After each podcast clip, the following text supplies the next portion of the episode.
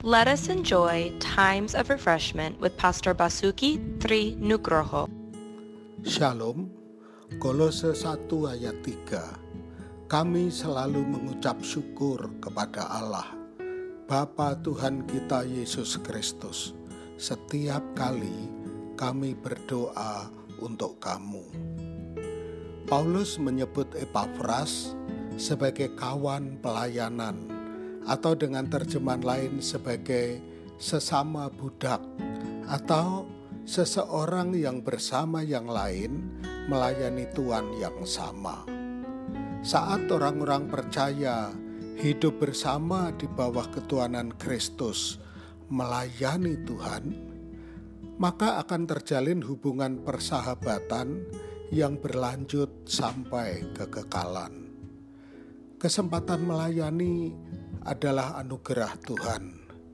Kita merasa sebagai orang yang telah menerima segala kebaikan dari Tuhan, dipanggil untuk melayani, bukan karena kebaikan kita.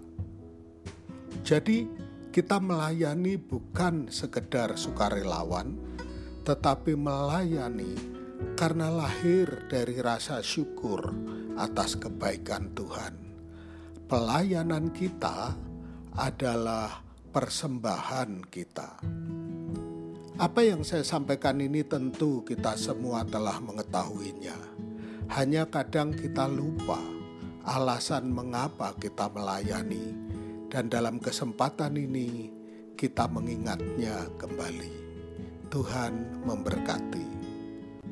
Untuk info pelayanan lebih lanjut, hubungi GBI Grace Community Center Makassar di nomor 081 343 625 334. Tuhan memberkati.